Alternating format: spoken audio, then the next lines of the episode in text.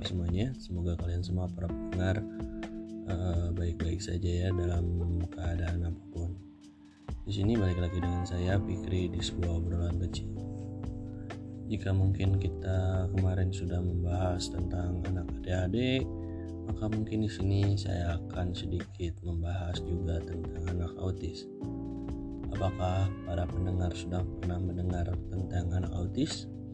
Jika sudah, apakah para pendengar juga sudah tahu apa itu anak autis? Nah, jika tidak, maka di sini saya akan jelaskan sedikit tentang anak autisme. Pada dasarnya, anak autisme adalah suatu kelainan biologis pada penjenangnya. Pada saat ini, autisme dikategorikan sebagai biological disorder, dalam arti bahwa autisme bukan merupakan gangguan psikologis, lebih spesifiknya dapat dikatakan bahwa autisme adalah suatu gangguan perkembangan karena adanya kelainan pada sistem saraf penyandangnya, yaitu Neurological of Brain Based Development Disorder. Autisme dapat terjadi pada siapa pun, tanpa membedakan warna kulit, status sosial ekonomi, maupun pendidikan seorang. Nah, itu adalah gambar adalah sebuah gambaran atau penjelasan tentang anak autisme. Nah, selanjutnya mungkin para pendengar juga bertanya-tanya, ada nggak sih gejala anak autis atau ciri-cirinya gitu ya? Jadi, kalau untuk gejala atau ciri-ciri anak autisme dapat terlihat dengan beberapa hal, misalnya komunikasi. Yang pertama contohnya seperti kesulitan mengekspresikan keinginan dan kebutuhan dasar. Ada juga kurang dapat membangun kosakata dan juga bermasalah mengikuti arahan atau memukul menemukan benda-benda yang ber, nama. Selanjutnya mengulangi apa yang dikatakan. Dan juga lah seperti sering bermasalah dengan menjawab pertanyaan. Terus selanjutnya kedua e, ciri-cirinya yaitu dari keterampilan sosial si anak.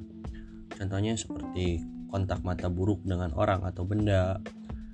Selanjutnya juga kadang kurang dalam bermain keterampilan Terus juga sang anak sering menjadi terlalu fokus pada suatu topik atau benda-benda yang menarik bagi mereka. Dan juga seperti masalah berteman dan juga sering mereka itu menangis, marah, tertawa atau tertawa tanpa alasan yang di, tidak diketahui sama sekali atau pada waktu yang salah. Dan selanjutnya juga uh, gejala yang ada atau ciri-ciri ada pada anak autis itu reaksi mereka terhadap lingkungan. Jadi contohnya seperti gerakan tangan yang digoyang, mengepakkan atau lainnya, bergerak sendiri tanpa disadari. Terus juga tidak dapat memperhatikan hal yang dilihat atau didengar, bermasalah terhadap perubahan dalam rutinitas, dan juga kadang mereka menggunakan benda-benda dengan cara yang tidak biasa. Terus juga eh, sang anak autis itu terkadang tidak takut terhadap bahaya yang nyata yang mengancam dirinya sendiri. Nah, eh, itu adalah suatu ciri-ciri atau gejala anak autisme, teman-teman pendengar. Dan mungkin kalian bertanya-tanya, apakah ada ada nggak sih sejarah autisme itu? Dan untuk sejarahnya, eh, autis, autis, autisme itu pertama kali digunakan kata autisme itu pertama kali digunakan oleh seorang psikiater asal Swiss yang bernama Eugen Blur yang pada tahun 1908 sampai 1909. Ia mengamati adanya suatu ciri tertentu pada penderita skizofrenia dewasa yang dia sebut sebagai autisme yang berasal dari kata bahasa Yunani yaitu atos yang berarti sendiri yang merupakan suatu istilah yang mencirikan bahwa seorang menarik diri dari interaksi sosial dengan lingkungannya sehingga mereka seolah-olah hidup di dunianya sendiri. Nah, selanjutnya juga kalau gangguan kejiwaan berupa skizofrenia hanya terjadi atau timbul pada orang dewasa atau remaja saja.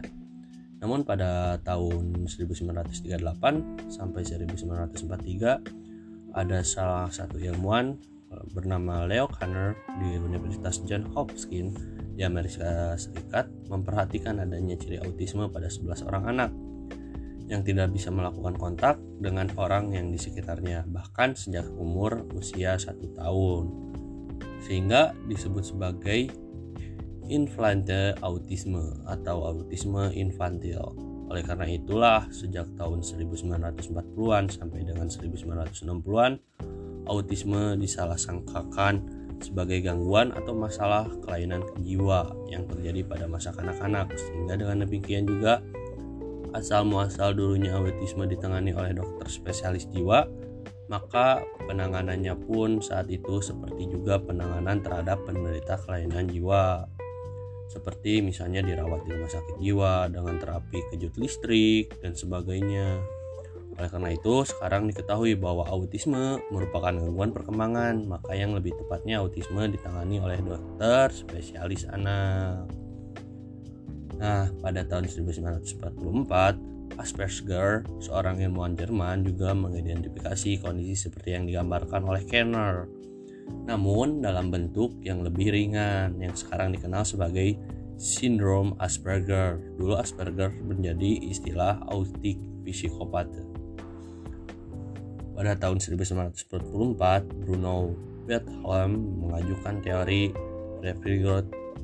refrigerator mother, yaitu seorang anak yang menjadi autis oleh karena dalam awal masa kehidupannya tidak mendapat cukup stimulus dari ibunya yang tidak dapat diresponsif terhadap anak mereka.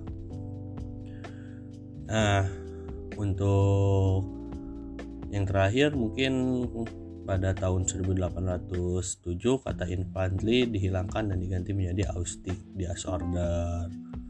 Jadi uh, pada DSM-2 yang terbit tahun 1998, autisme juga menjadi dikategorikan sebagai DSM-1 tersebut. Barulah pada DSM-3 yang terbit pada tahun 1980, autisme diletakkan dalam kategori diagnosis yang tersendiri. Namun sebagai disebut sebagai infantile autisme. Nah, pada DSM 4 yang diterbitkan pada tahun 1994 menambahkan kategori PDD, Pervasive Development Disorder, dan beberapa subtipenya yang sekarang dikenal sebagai ASD, Autism Spectrum Disorder. Sebagai tambahan, pada autis disorder, diagnosis ini juga mungkin dikategorikan sebagai Asperger disorder, Rett disorder, Child Disruptive Disorder dan Aspersive Developmental Disorder Not All Tweets Specifically atau PDD NOS. DSM-5 pun sudah diterbitkan pada tahun 2013 bulan Mei. Nah, itu adalah sejarah tentang anak autisme, teman-teman. Terus jika teman-teman pendengar juga menanyakan apa sih penyebab autisme itu? Yang pertama dari genetik. Ada kuat yang menyatakan bahwa perubahan gen itu kadang berkontribusi pada terjadinya autisme.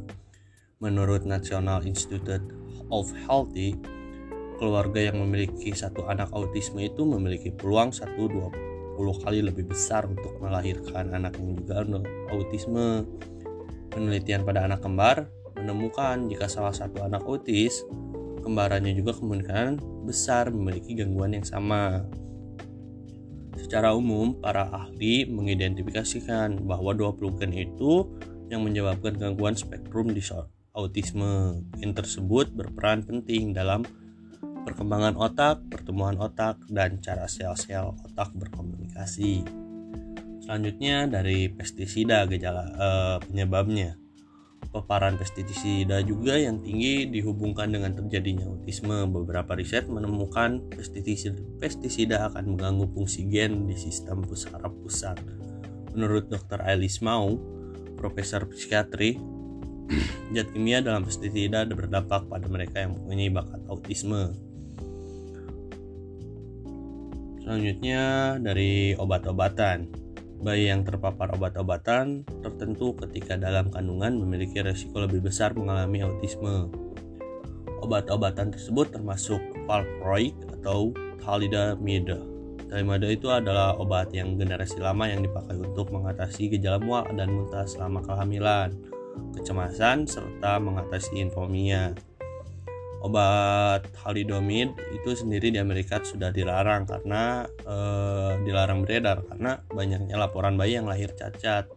Namun obat ini kini diresepkan untuk mengatasi gangguan kulit dan juga terapi kanker kalau tidak salah.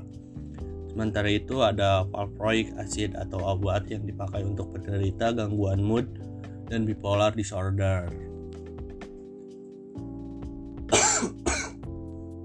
Selanjutnya uh, ada uh, usia orang tua.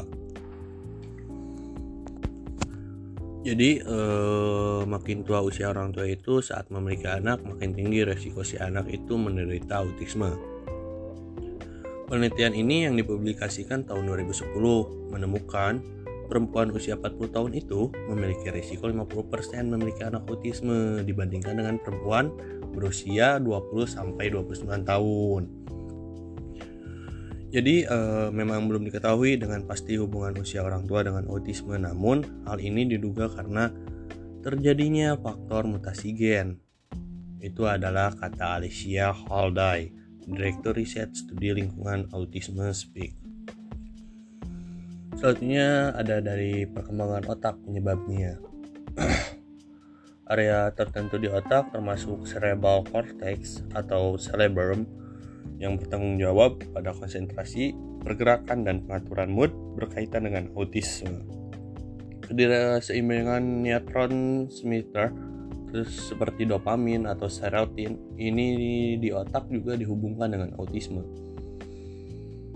nah itu adalah salah satu beberapa uh, ciri-ciri penyebab anak autisme dan uh, bagi para pendengar juga bertanya-tanya ada nggak cara untuk mengidentifikasi anak autisme Sebenarnya ada cara untuk mengidentifikasi anak autisme itu dengan beberapa tahap. Yang pertama ada DSM-4, lalu memakai persuasif, lalu juga dilanjut ke skala. Lalu setelah skala dilanjut lagi kepada kriteria DSM-4, lalu dilanjutkan lagi ke DSM-5, lalu memakai MCET. Dan yang terakhir juga harus memakai kriteria DSM-5. Jika hasilnya menandakan anak autisme, akan perlu ada tindakan lanjutan untuk menemui para ahli di bidang tersebut untuk membantu terapi perkembangan sang anak autisme. Nah, eh, itu adalah eh, sejarah singkat dan pengertian tentang anak autisme, teman-teman. Dari saya, mungkin eh, dari obrolan kecil ini dapat sedikit menambah wawasan kalian terhadap anak autisme. Mungkin juga uh, masih banyak terbata-bata dalam menjelaskan. Mungkin hal ini dapat menambah wawasan ya bagi kalian. Mungkin cukup sekian dari saya. Vicky Pradila uh, saya mohon undur diri dan sampai bertemu di podcast episode berikutnya. Bye bye terima kasih ya